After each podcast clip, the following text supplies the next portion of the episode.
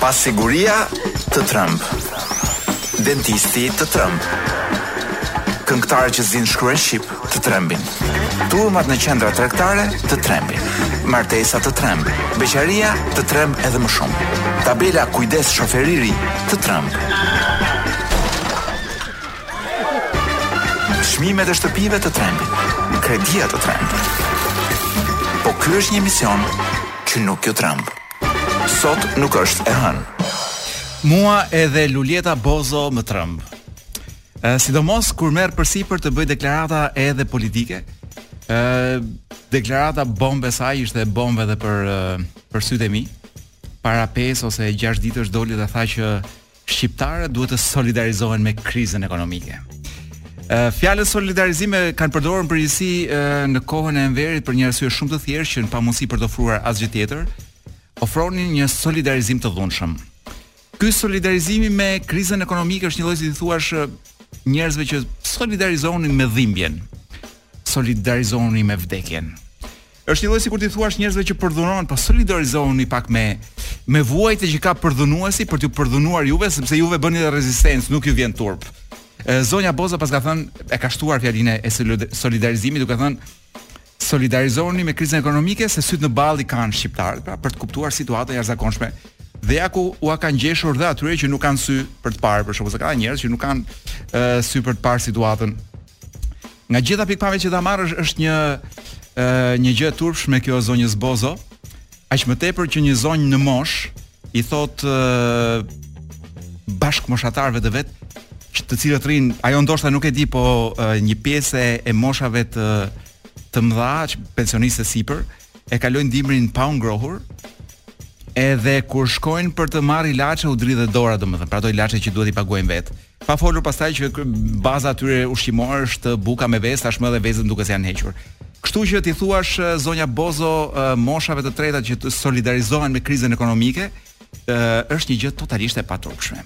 Por unë dyshoj që zonja Bozo nuk ka arritur akoma te radio në kuptimin që ë nuk besoj se ka kohë me me aktivitetin e lartë politik që zhvillon. edhe propagandistik që zhvillon për të për të dëgjuar radion. Dhe çfarë kuptojmë ne të dashur fëmijë nga sjellja e gjyshes Bozo? Ne kuptojmë që edhe një akademik sado i zoti të ketë qenë në fushën e vet kur e fusin në politikë, fillon dhe i bën furçë partisë.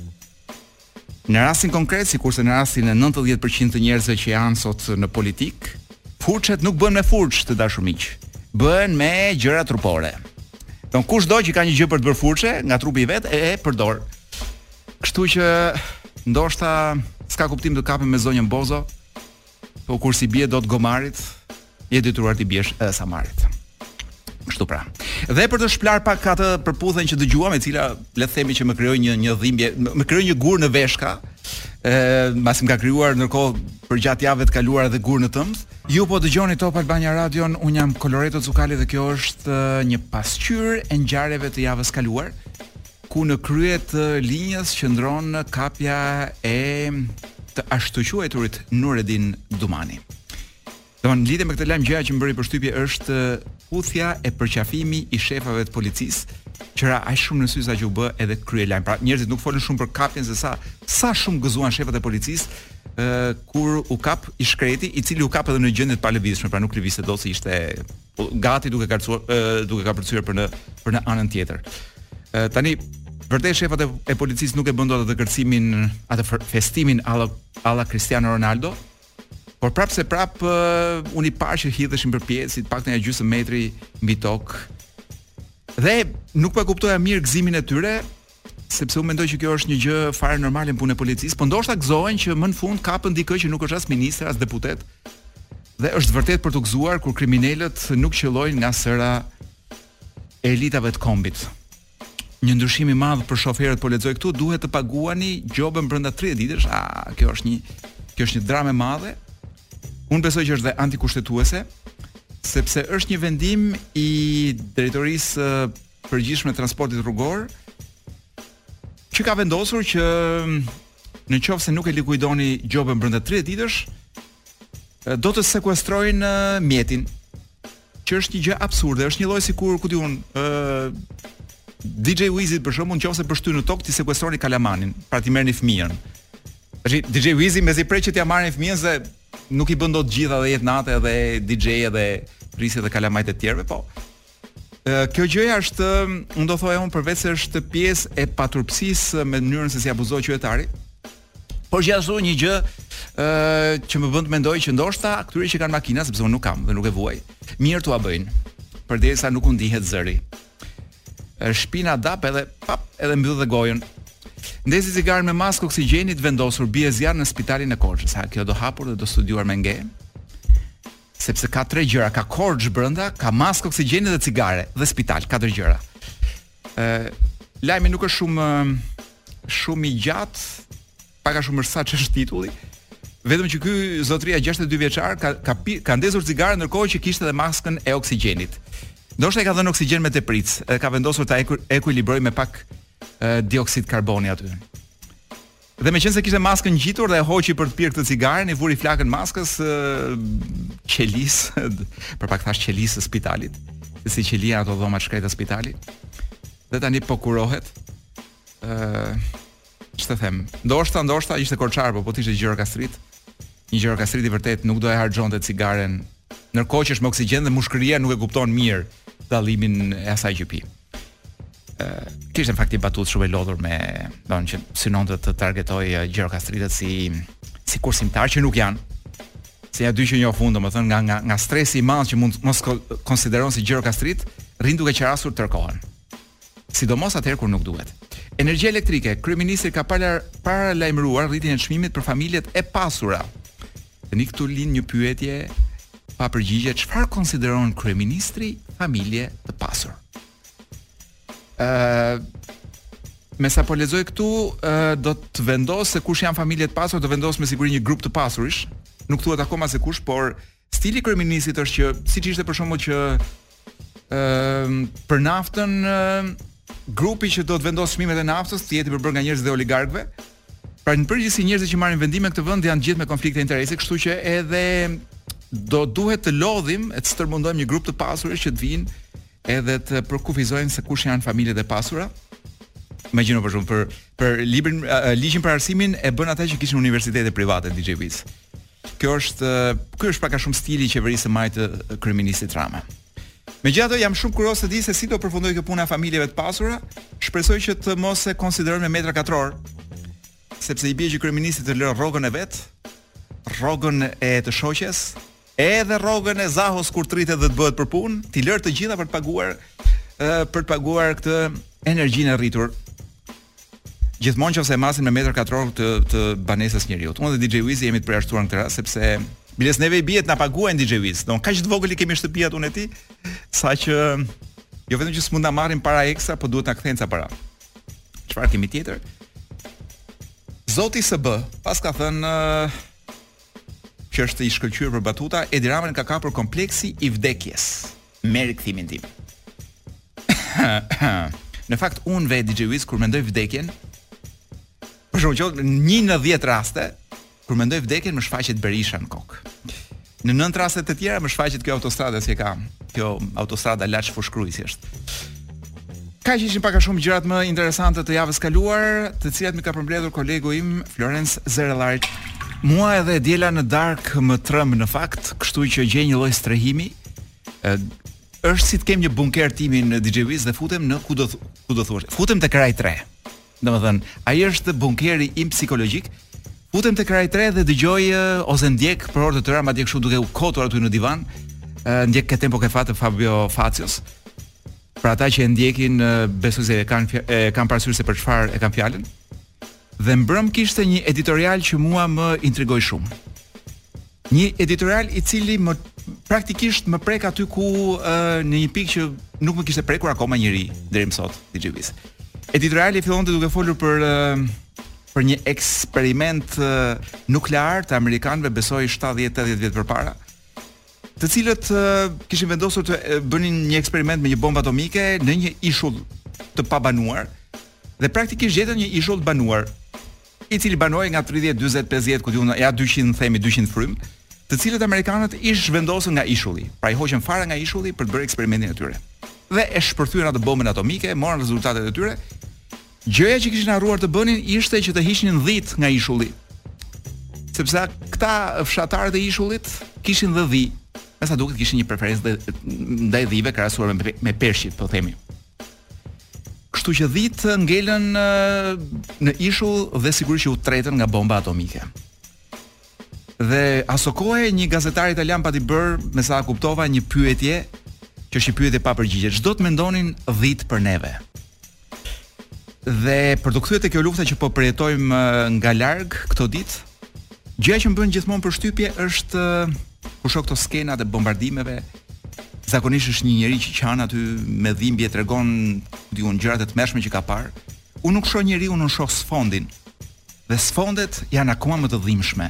Dhe nuk janë vetëm ndërtesa të shkatërruara, Po unë shoh pemë të thyera të djegura.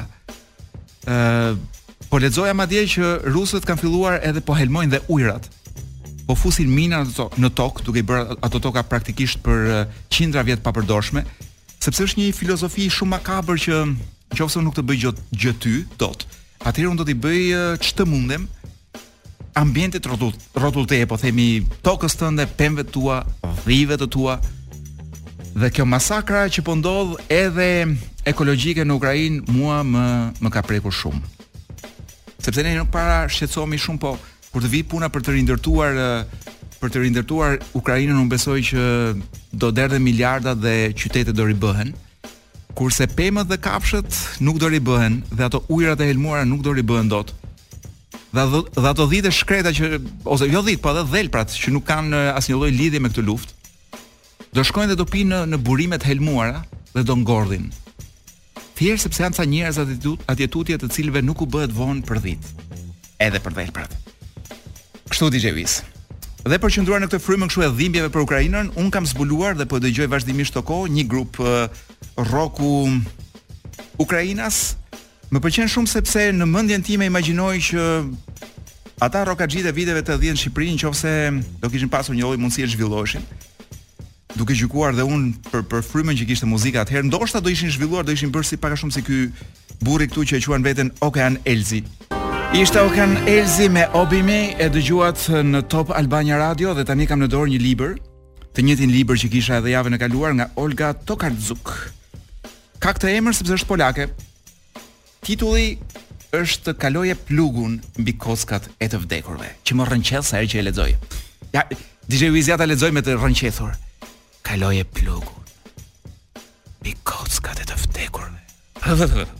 Më fal. Atëherë është një libër që më ka shijuar shumë dhe unë dua ta ndaj me ju një faqe nga ky libër sot. Po lexoja që The Economist e paska konsideruar një ndër shkrimtaret më të mëdha humaniste të Europës këtë zonjën. Libri, për ata që do donin ta blinin, është botuar nga ja ta gjej këtu. Është botuar nga botimet IDK, mbështetur nga Ministria e Kulturës, më në fund Ministria e Kulturës paska bërë një gjë të mirë në këtë vend. Dhe për ata që janë qejflinj të thrillerave, ky libër është shumë alla Agatha Christie. Ka vdekje, ka vrasje, shumë interesant, por ka dhe botën e kësaj zonjës, që është një zonjë e moshuar. Dhe ja ku po lexoj tani, Ëh, jam në faqen 252. Ashtu dhe. A, titulli, harrova t'ju thosha, titulli është, meqenëse kjo, kjo personazhja e librit, ka një pasion për të përkthyer, është një ish inxhiniere, dhe është vënë të përkthejë William Blekun, dhe pikërisht titulli i librit është një varg i Blekut, i poetit. Dhe ndoshta ndonjëherë do duhet të lexojmë edhe Blekun këtu. Kaloje plugun mbi kockat e të vdekurve. Ashtu dhe. Ndonjëherë më qëllon të hyj në kishë dhe të rri e ulur aty në qetësi bashkë me njerëzit e tjerë. Gjithmonë më ka pëlqyer kur njerëzit bëhen bashkë dhe nuk u duhet të bisedojnë. Sikur të kishin mundësi të flisnin, me siguri menjëherë do të nisnin të tregonin budallëqe, thashetheme, të sajonin gjëra, të shisnin mend. ndërsa kështu rrinë të ulur në rreshta sekush i kredhur në mendimet e veta. Duke sjellë nëpër mend atë që u kishte ndodhur së fundmi, duke imagjinuar se çfarë mund t'u ndodhte së afërmi. Sisoj ata kanë nën kontroll jetën e tyre. Njëlloj me të tjerët, u ula dhe unë në stol dhe rashë në një lloj gjysmëndrre. Truri më punonte me përtesë. A thua se mendimet më tepër më vinin nga jashtë meje, nga kokat e njerëzve të tjerë, apo nga kokat e drunjta të engjëjve të vendosur aty pranë. Gjithmonë më vinte ndër mend ndonjë gjë e re, e ndryshme nga ajo që do të më kishte ardhur nëse do të mendoja në shtëpi. Në këtë kuptim, kisha është një vend i mirë. Hera-herës kam patur përshtypjen se këtu mund të lexoja mendimet e të tjerëve nëse do doja. Më shumë se një herë më është dukur sikur kam dëgjuar mendimet e të tjerëve në kokën time, si për shembull, "Qilima të rinj në dhomën e gjumit, ç'model? A janë më të mirë ata krejt lisho, lisho apo ato me ndonjë motiv jo të mbingarkuar?" Depozitat në bankë janë me interes shumë të ulët, bankat e tjera japin më shumë. Duhen verifikuar të hënën ofertat dhe duhet transferuar paratë. Ku i gjen paratë ajo? Si është e mundur që i del për çdo gjë? Ndoshta thajnë barkun, vetëm e vetëm, gjithë sa fitojnë t'ia, t'ia japin asaj për rroba. Pastaj një, një mendim që mund t'ishte edhe për DJ Wizin, sa qenka plakur, qenka thinjur shumë. Të mendosh që ky ishte mashkulli më i bukur në fshat. Po tani çfarë? Për skrap, Do t'ia them mjekut troç, dua një raport. Kurrën e kurrës nuk do të pranoj që të më trajtojnë si fëmijë. Eh, sa keq që kam mendime të tilla, se mos janë të miat. Shyqyr që ky Zot, në qoftë se ekziston, madje edhe po qe se nuk ekziston, na jep njëfarë vendi ku mund të mendojmë qetësisht. Ndoshta pikërisht te kjo konsiston lutja, të kesh mundësi të mendosh qetësisht. Të mos dëshirosh asgjë. Të mos kërkosh asgjë. Thjesht të vendosësh pak rregull në kokën tënde. Kjo duhet të mjaftojë. Gjithmonë megjithatë, pas momenteve të para të këndshme të relaksit, më ktheheshin pyetjet e dikurshme të fëmijërisë. Me siguri ngaqë nga natyra jam pak fëmiro, fëminore. Si është e mundur që perëndia i dëgjon njëkohësisht të gjitha lutjet e botës? Po në qoftë se ato bien ndesh me njëra-tjetrën, si i bëhet? A duhet të dëgjojë lutjet e gjithë këtyre qenbirqenësh, demonësh, njerëzish të këqij? Po ata a luten. A ekzistojnë vallë vende ku zoti mungon, për shembull, në fermën e dhelprave a ka zot, dhe çfarë mendon? Apo në thertoren e Brenda Nakut? A shkon atje? E kam të qartë që këto janë pyetje idiote dhe naive dhe teologët do të më qeshnin. Kokën e kam prej druri, njësoj si ata ëngjëj të varur në kubenë e qiellit artificial. Këto gjëra mendon mendon personazhi i librit teksa është në kishë, por siç thashë libri është më shumë një thriller. Më duhet të them që është bot, është përkthyer nga polonishtja për mendimin tim me mjeshtëri nga Astrit Beqiraj. Kështu që në qoftë se doni të lexoni diçka që është edhe thriller, po edhe një botë interesante për t'u shqyrtuar, mbi të gjitha një botë femre, unë ju këshilloj që ta t'i jepni një mundësi këtij libri. Kaloje plugun mbi kockat e të vdekurve nga Olga Tokarczuk. Tani do t'ju jap pak jazz, meqenëse në këtë vend jazzi është një gjë që të shkakton dhimbje koke, pra shumë njerëz kur dëgjojnë fjalën jazz i kap një si lloj dridhje kështu. Ë uh, sepse jazzi duhet me ç'kam dëgjuar se nuk jam uh, kompetent jazzi, duhet t'i afrohesh me një lloj uh, qetësie dhe dalëngadalë dhe t'i hysh nga mbrapa, si me thënë Jo të hysh nga dera kryesore me zhurmë. Pra, madje jo, nuk je ti që hyn te xhazi, është xhazi që hyn tek ty. Kështu që ndoshta do doja t'ju provoja, t'ju testoja, t'ju sprovoja me pak xhaz. Është xhaz italian nga Paolo Fresu, që është po themi një nga kokat e instrumentistëve italianë të xhazit. dhe nga një autor që është pothuajse i panjohur, po mua më pëlqen shumë. Do të flas ndoshta një herë gjatë për këtë për këtë burrë që nuk jeton më me sa di unë, Gian Maria Testa. Ishte Gian Maria Testa me Paolo Fresu në këtë në këtë jazz të dy do thosha dy nga figurave më interesante të ë të fushë të do thosha të panoramës jazz italiane. Ndërkohë që do t'ju prezantoj me një këngë që mua më është një këngë, është një baladë, por është nga këto baladat që është një baladë sikur të shtinë me pushkë, pra sepse është shumë e fuqishme, power ballad si i quajnë. Dhe është nga Elton John, i cili ka qëlluar të mbushë ka dhe ditëlindjen tani dhe po bën turneun e tij të fundit. Mbush njëqind e tridhjetë njëqind e dyzet vjeç nuk më kujtohet mirë. Dhe kënga që duam t'ju japim është Believe. Unë mendoj që është një nga këngët më të mira të tij. Është një nga këngët më të mira sepse përveç faktit se kur doli ishte do kapi majat e e klasifikimeve në të gjithë Europën. Është pjesë e albumit Made in England, por unë mendoj që kjo është pjekuria më don këtu ka arritur maksimumin e pjekurisë muzikore Elton Johni. Pra është një çik para pensionit, pra kur kur lëshon dhe atë gjënë e fundit dhe pastaj tak bëhet gati për pension. Ë dhe mbi të gjitha për ata që dinë anglisht, është një këngë me një mesazh shumë të thellë. Domethënë sa duket sikur është një orë mësimi ku edukatorja të flet për një orë Po jo, kjo të flet vetëm për 4 minuta edhe të jep një mesazh. E kujt ia merrte mendja që edhe një prilli do të na trembte. Jo vetëm neve, po besoj i shtyn i hynë drithma gjithë botës kur morën vesh që kryeministri shqiptar mund të bëhet ndoshta edhe shefi i NATO-s. Pra të ketë në dorë jo më gjëra të vogla si një një SPAK dhe kështu, po t'i jepet diçka shumë e madhe. Të jep praktikisht një fëmije t'i jepet në dorë një pistoletë. e mbushur me mbushje bërthamore. Mirëpo pastaj kuptuam që nuk ishte gjithë bota që mendonte kështu, ishte vetëm një zonë e vockël që është Shqipëria. Dëgjova që edhe në Serbi kishte pasur një lloj paniku, por i gjithë ky informacion që qarkulloi vetëm në këto territore tona në periferi të çdo informacioni. Ë derisa u mor vesh që ishte një shaka për 1 prill, po kur u mor vesh kjo me datë 5 prill, domethënë se s'është marrë vesh akoma për disa njerëz, Ë, ankthet kishin filluar lart e poshtë. Ë, tani kjo gënjeshtra e 1 prillit është pjesë e një tradite relativisht të gjatë në botë ku mediat bëjnë shakara për 1 prill. Zakonisht i bëjnë në mëngjes dhe i rrëfejnë masdite që bëmë këtë shaka. Mua më kujtohet që edhe media shqiptare dikur e kishin një lloj kështu dëshire për të si me thënë, për të çtensionuar pak uh, situatën e rëndë me lajme, shpiknin diçka të vogël. Njëherë më kujtohet që një nga media shpiku që do martohej avokat Ngjela, pra thanë në fillim të edicionit të lajmeve dhe e mohuan pastaj treguan që ishte gënjeshtër 1 prilli në fund të edicionit të lajmeve dhe jemi okay deri këtu. Mirëpo fakti që një gënjeshtër që nuk del as nga mediat, po del nga, ku di unë, se nga goja e kujt kish dalë në një Twitter, fakti që ky lajm i dalë në një Twitter në botë nga dikush që shumica s'e kishin dëgjuar ndonjëherë, u mor dhe u riprodhua si një lajm i besueshëm, është shumë shqetësues. Ëm ehm, pra, e para tregoi që mediat tona janë akoma në në në fazën e pubertetit. Pra nuk kanë nuk është nuk mund t'u lihet asgjë në dorë serioze. Ë, uh, por gjëja që mua më shqetësoi e para ishte që neve kemi humbur sensin e shakasë, domethënë fakti që ti e dëgjon këtë gjë dhe e merr seriozisht.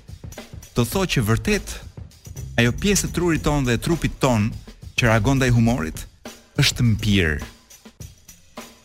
Dhe gjëja e dytë është që çfarëdo gjëje që vjen nga jashtë, dhe kjo është akoma më shqetësuese. Çdo gjë që vika nga jashtë është e vërteta absolute dhe nuk e merr mundimin ta verifikojë askush. Rregulli e do që edhe lajmet që vijnë nga mediat më serioze duhen verifikuar. Pra duhet bërë ajo që quhet double check, pra një kontroll i dyfishtë. Pra duhen verifikuar edhe me lajme të tjera, më fal, edhe nga burime të tjera. Unë mendoj që të gjithë media shqiptare i ka nja dy tre kontakte për të bërë nja dy telefonata ose edhe një SMS të thjeshtë apo një WhatsApp ë me dikë jashtë thjesht për ta pyetur çfarë është çfarë është kjo punë. Dhe kaq do kishte mjaftuar për të kuptuar që ishte thjesht një shaka për një prill, por jo, askush, asnjë nga mediat nuk e bëri. Dhe gjëja e tretë, që është jo shqetësuese, por është llahtarisëse, është fakti që ne mendojmë që kryeministri jonë është qendra e universit. Pra ne bashkë me kryeministrin tonë jemi qendra e universit. ë uh, dhe dhe m'u krijua bindja që ne jetojmë në një univers alternativ. Pra ne realisht besojmë që kryeministrit tonë, kryeministrit të Shqipërisë, do t'i besohet, i cili nuk është në gjendje të zgjidh pra i cili ka gjysmën e e e qeverisë në rrezik për të shkuar në burg, ë vazhdimisht në çdo legjislaturë i shko janë deputetë të cilët akuzohen që janë kriminelë lloj-llojesh dhe ne mendu një vend që nuk ka asnjë lloj sigurie, një kryeministër i cili i bën mbledhjet me WhatsApp, që është një nga mjetet më të pasigurta në botë. Ne besojmë që dikush do t'i dorëzonte në duar armën më të fuqishme të globit. Pra edhe ky do jetë njeriu që do ketë don arm do ketë në dorë fuqinë bërthamore të globit. Pra ushtritë më të mëdha të globit, megjithëqë kanë fuqitë më të mëdha bërthamore. Dhe fakti që ne besojmë këtë gjënë është për t'u llahtarisur siç thashë. dhe e marrim shumë seriozisht këtë gjë. Por mund të na ngushëllojë fakti që edhe serbët e hëngrën njëlloj si ne, meqenëse për fatin tonë të keq, që kur ka ardhur Vuçiç, media serbe është gjunjëzuar dhe praktikisht po shkron po shkon drejt nivelit të dhimbshëm të medias shqiptare. Kështu pra DJ Wiz. Kur të vijë një prilli tjetër, do mbyllem brenda e do fle gjithë ditën. E do zgjohem të nesërmen. Se nuk dua të llaftarisem më dhe me njerëz se kam edhe miq seriozë që më çonin mesazh të shohim or ç'po ndodh. Do të të shqetësuar, do të shqetësuar për Naton, do do ja lënë në dorë Ramës. Eh. Do të thënë jemi për të qarë hallin. Por, por. Megjithatë, rëndësi ka të mos humbim Sensin e humorit dhe humorin e që kemi humbur, po të mos hum, mos humbim shijen për një çik muzikë të mirë. Dhe ka një moment aty në këngë ku thotë uh, Here comes edhe vjen një uh, kitarë solo. Kitara solo është një nga do thoja unë një nga këto stampat më të famshme të rockut, po jo të rockut modern, po të rockut të viteve, jo të rockut bashkëkohor, po të rockut të viteve do thoja unë 70-80, edhe pse kitara solo daton qysh më herët, me ç'kam lexuar që në vitet 60 edhe 50, madje edhe në, në këngët jazz të viteve 20 ka pas momente ku e, dikush në mes këngës i binte një kitare solo, Mirëpo tani nuk e kanë nuk e fusin më, madje unë po shikoja këto këngët e nominuara për Grammy, në zhanrin e rockut dhe pjesa më e madhe e tyre pothuajse të gjitha nuk kishin asnjëra një një një kitarë solo dhe më më krijon një dhembje pra kam një dhimbje sepse unë kam një lidhje emocionale shumë të të fortë me kitarën solo DJ Wiz. Në gjitha koncertet ku kam qenë ose në një pjesë të madhe po themi, ka një moment në mes koncertit ë uh, ku kitaristi shkëputet nga grupi, dritat fiken, e ka vetëm një dritë që i pikon sipër dhe fillon një kitarë solo. Që në varësi të kitaristit dhe të grupit mund të jetë, ku di unë, mund të jetë e butë, e shtruar, prekëse, mund të jetë agresive, ritmike, e, mund të bëjnë gjëra të çuditshme, po i shoh nëpër koncerte, po nuk i shoh nëpër këto grupet e reja, sepse ç'thua ti DJ Wiz, quhet demode. kitara solo nga grupet e rockut. Dhe kjo është për të t'u dhimbsur e vërteta është që kitara solo ka qenë një institucion maskilist. Domethënë, në qoftë se ti merr një fëmijë të vogël dhe e vë të shohë November Rain, po themi. Që është ai momenti i kitarës solo të të ë të Slashit. Dhe është ai moment dhe po t'i heqësh dhe zërin televizorit, ai fëmija sheh vetëm një burrë që ka një shkop në dorë. Se fëmija nuk e di që është kitarë, që ka një shkop në dorë. Shkopi është si me majuc dhe i bie me gishta atij shkopit. Ai çfarë mendon fëmija për këtë burrin me këtë shkop në dorë? Dhe që i bie me gishta. Pra është është gati gati një institucion jo vetëm mashkullor, por të jep edhe idenë pak të fallusit, kjo ideja e atij burri që del me kitarë dhe bën ca kështu variacione. Por unë mendoj që është është është mënyra është një mënyrë shumë e mirë që kitaristi të nxjerr një lloj emocioni. Pra, o të prek aty në koncert kur i bie, se këngët këngët e një grupi janë të gjitha njëlloj. Pra, kudo që t'i dëgjosh në koncert kënga është njëlloj. Kitara solo është ajo që ndryshon. Pra kur del ai kitaristi aty dhe, dhe ka një rrënqethje në në në, në stadium DJ Wiz dhe presin këtë kitarën solo të atij, që nuk është kurrë njëlloj dy herë njëlloj. Dhe ka të bëjë me virtuozitetin e të tjera të tjera. Megjithatë, ë ndoshta shpresat nuk kanë humbur sepse herë mas herë kitara solo shfaqet lart e poshtë. Unë qëllon që dëgjoj ndonjë grup për shembull që mund të jetë i ri, po mund të jetë i vjetër, dhe kur dëgjoj që ka një kitarë solo them sa të guxi, bravo i qoftë domethënë. Sa të guximshëm, paska fut një kitar solo kur gjithë mendojnë që ej, ç'është kjo? Kemi vetëm një minutë kohë për të qarë një hall të madh. Dhe halli i madh është është fakti që shumë shpejt duket që kjo qeveri nuk do të jetë qeveria Rama 3, por do jetë qeveria Rama 313. Sepse njerëzit që shkojnë në burg dhe gjëja që më habit më shumë është që kryeministri thotë, po këto janë probleme personale, përgjegjësi personale. Po ai që i vuri, i ngriti në karrierë, i vuri në krye të ministrive, në kry... do i vuri në krye të listave të tjera. A ka ndonjë farë përgjegjësie në këtë vend apo jo? Tani kjo është një pyetje që më shumë i duhet bërë atyre që vazhdojnë pavarësisht dramave të çdo qeverie, vazhdojnë dhe votojnë të njëjtën qeveri dhe të njëjtin person. Ë, siç thotë një miku jon gazetar, kjo gjë që po ndodh me inceneratorët do kishte ë do kishte bërë që të që të binte çdo qeveri, në fakt bëri që të bjerë opozita. Sepse qeveria vazhdon përpara pa ja bërë syri tërr. Dhe pastaj ankohemi se pse Shqipëria është kjo që është. Ë, ndoshta pak më vonë DJ Wiz do krahasoj këtë situatën e njerëzve që votojnë në mënyrë të verbër, me situatën e këtyre që janë mbledhur 80% thuhet e rusëve që mbështesin Putinin dhe ka një arsye pse ata mbështesin Putinin pavarësisht atyre gjërave që po bën. Ë, domethënë, sigurisht që është shumë më e rëndë se inceneratorët tanë, po e kam fjalën për mënyrën se si ca njerëz arrijnë të menaxhojnë turma tufa të tëra delesh për vite e vite me radhë, edhe për dhjetra vjet me radhë. Do flasim pak më vonë. Sot mund mos jetë e hënë, por kjo është fiks ora e edukatës seksuale.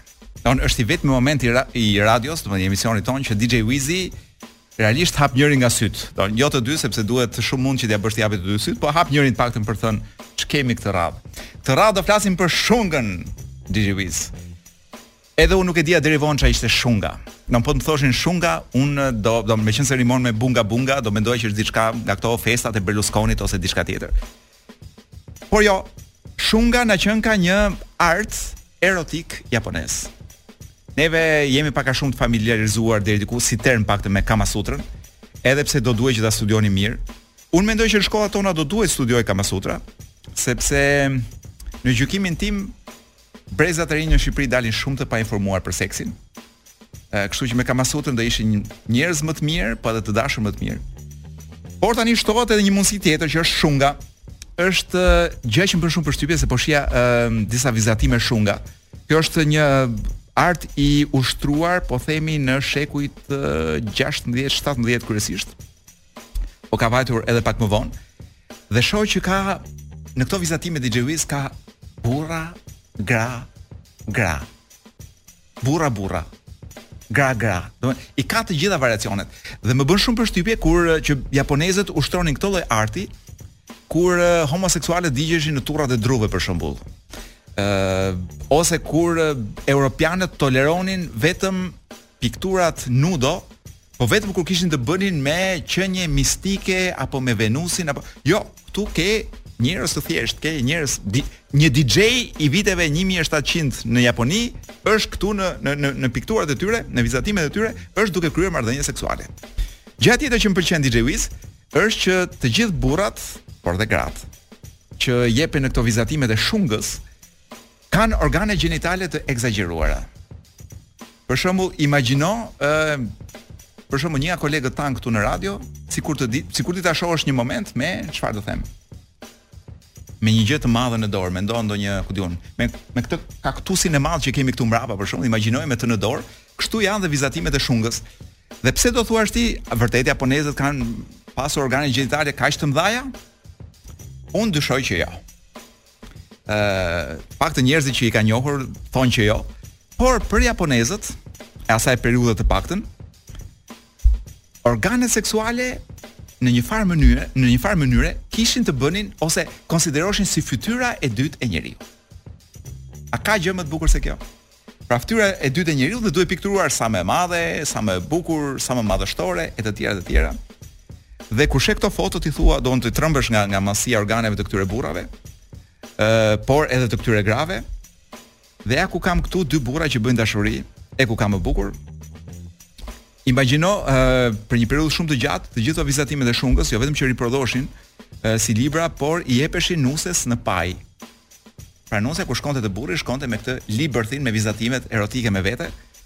Dhe sigurisht që bisedon imagino natën e parë të, të, të martesës për shembull, kjo vajza japoneze nxjerr nga paja e vet librin edhe e shfletojnë me burrin dhe zgjedhin për shembull çfarë duam të bëjmë sonte si natë e parë do shkojmë te faqja e, e dytë apo te faqja e 52 Mrekulli, mbrekullira do thoshte një shoku im që i fut një b fjalës në mes. Ah, kam dhe një foto këtu ku burri është gati si një oktapod i madh. Por nuk ta shpjegoj dot sepse ndryshe do na vinin gjobë këta të AMA-s. Ë një gjë tjetër që shunga e ka karakteristike është që preferojnë që njerëzit të jenë të veshur. Pra, organet shfaqen edhe fuqishëm Por u duket veshja shumë më sensuale se sa lakuriqësia. Se me sa duket ata lakuriq shiheshin ditë për ditë. Vdisnin për ta parë njerëzit njëri tjetrin çik të veshur. Dhe arti i tyre është plot me njerëz të veshur dhe që kryejnë marrëdhënie seksuale. Ja dy vajza këtu me njëra tjetrën. Një mrekulli e vërtetë. Ah, janë dy vajzat? Po kanë dhe një kitar, një një mandolinë duhet të jetë ose diçka e tillë, kanë dhe një mandolinë aty afër. Pra dashuri dhe mandolina. Ç'të të them? Si nuk pa, si nuk na edukuan me këto lloj librash kur ishim të vegjël se do ishim bërë njerëz shumë të mirë, mendoj unë. I love you baby, ky ishte Giovanotti. Uh, kjo është këngë nga albumi i fundit, në mos gaboj është publikuar përpara pak javësh. dhe është kënga më e dëgjuar në gjitha radiot italiane besoj për momentin. Por jo vetëm italiane, unë dëgjova që edhe në Rumani është në majë të klasifikimeve, imagjino ç'bëhet. Sepse Rumania është gati si një një kopsht mbrapa Italisë, DJ Wiz. Po unë nuk e di dhe nuk ta them dot se kam një, po nuk është shumë e bukur për ta thënë se ku jemi ne në raport me Italinë. Gjëja që më pëlqen te Giovanotti është që është jo vetëm reper, Po është një reper që arrin të më flasë edhe mua.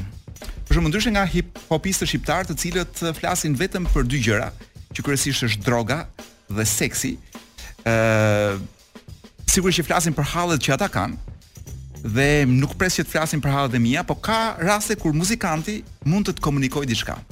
Për shembull, ke dëgjuar ti DJ Wiz se ti je i njohur pak me këtë muzikën bashkëkohore shqiptare. Ke dëgjuar ndonjë ndonjë reper për shembull që të këndojë këngë ku shqetësohet për problemin e propagandës, po themi. Jo, të mediokritetit, të njerëzve të cilët bëjnë përpara në jetë pa pasur asnjë lloj vlere. Jo, të dhunës në qendrat e punës. të të baballarëve që keq keqtrajtojnë nënat apo keqtrajtojnë fëmijët. As këtë jo. Pra, praktikisht asgjë e vërtetë që ndodh në Shqipëri nuk gjendet në këngët e hip-hopit shqiptar. Gjenden vetëm seks, drogë dhe asgjë tjetër dhe boshllëk. Po, pra ka vetëm ca grimca të vogla seksi dhe droge dhe boshllëk i madh. Pra ata flasin vetëm për atë mikrobotën e tyre të Dom Perinjonit në këto klubet e kur thuhet, le të themi klubet e pordhës në Shqipëri apo është një fjalë që na na ndalohet. Nuk e themi dot. Ju kërkoj ndjesë, por nuk e themi dot në klubet e pordhës në Shqipëri, ku ë kategoria për të cilët këndojnë hip hopistët shqiptarë pi Dom Perinjon dhe përgjithësisht janë njerëz që kam, nuk kanë bërë asgjë në jetë. Ndryshe nga kjo kategori muzikantësh shqiptarë, të cilët nuk arrijnë të na thonë asgjë. Ë Giovanotti është një poet modern dhe albumi i tij i fundit, të cilin e kam dëgjuar këto dy ditë, titullohet Mesdheu, Mediterraneo, dhe gjithë albumi vjen vjen me një aromë mesdheu, duket sikur ky ka eksploruar muzikalisht në gjitha zonat e mesdheut. Unë nuk besoj që ka ndonjë muzikant shqiptar që para se të bëjë një album, le që s'bëjnë më albume njëherë, por edhe para se të bëjë një këngë, të tentojë të eksplorojë pak ë uh, po themi ndonjë gjë të re muzikore, të sjellë diçka të re. Jovanoti dikur shkonte në Afrikë për shkak për të kërkuar ritme të reja. Më thuaj nëse një muzikant shqiptar ka dalë nga klubi ku kalon kohën për të kërkuar një çik ritme të reja muzikore DJ Viz. Nuk di gjë. As unë nuk di gjë. E o DJ Viz, imagjino ta kishe baba ti këtë dhe të të bërtiste me këtë zërin. Sikur të bërtet një mace. Domethënë, imagjino sa bukur do ishte. Do sa i lumtur do ishe ti me këtë baba. Ë, po jetojmë kohëra të vështira, është një kohë, siç tha dhe Bideni, ku autokracia është në luftë me demokracinë, cila do fitojë. Është pak më e komplikuar se kaq. Nuk është thjesht autokraci.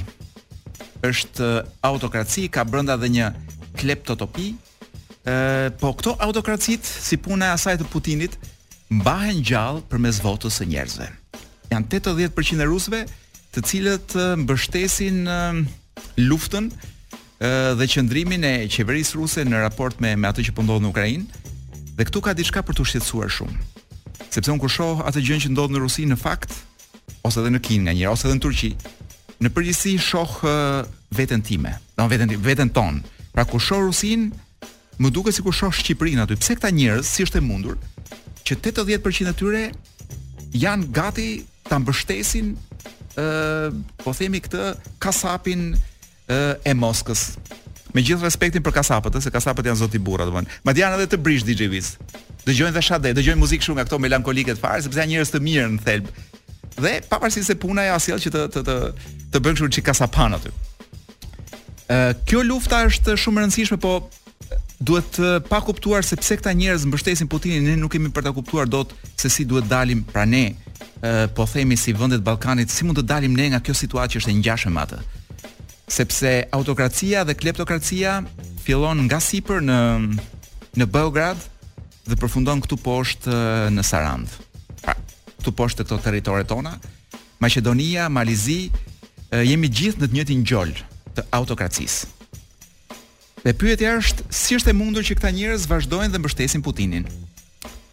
Një nga argumentet që dëgjova është që imagjinoje sikur është një sikur është Çernobili DJ Viz. Po të rrish përpara Çernobilit, pra propaganda si puna e Çernobilit. Po të rrish para Çernobilit, nuk jeton dot pa marrë rreze, do t'i marrësh patjetër. Kështu është dhe puna e propagandës me të cilën ata rusët e shkretë atje po lahen dhe shplahen prej gati 20 vjetësh. E njëjta gjë ndodh në Serbi, e njëjta gjë ndodh në në Shqipëri, sepse propaganda DJ Wiz është më e rëndë edhe sa vetë Çernobili për trurin e njerëzve. Kështu që ata njerëz e duan Putinin. Sikurse ka njerëz që sikur të gjithë ministrat të dalin sikur janë kriminel, pedofil edhe hajdut, Unë un mendoj që të njëjtit njerëz që votonin kryeministrin do vazhdojnë ta votojnë. Dhe ky është një hall dhe një dramë shumë e madhe. Nga cila anë do jemi? Do ngelim nga ana e autokratëve apo do bëhemi me demokracinë? Kjo është zgjedhja jonë. Unë mendoj që shumica e shqiptarëve kanë zgjedhur me kohë. Roots in my boots nga The Scorpions, albumi i tyre i fundit i dal para një muaji Rock Believer. Çuditërisht, Edhe pse janë një grup dyqind vjeçarësh, ky është një album shumë i mirë. Kisha gati 20, më shumë, 30 vjet që nuk dëgjoja një album kaq të mirë për tyre. Rock Believer, Roots in my boots. Ne rikthehemi mbas një jave në Top Albania Radio për një tjetër ditë kur nuk do të jetë e hënë.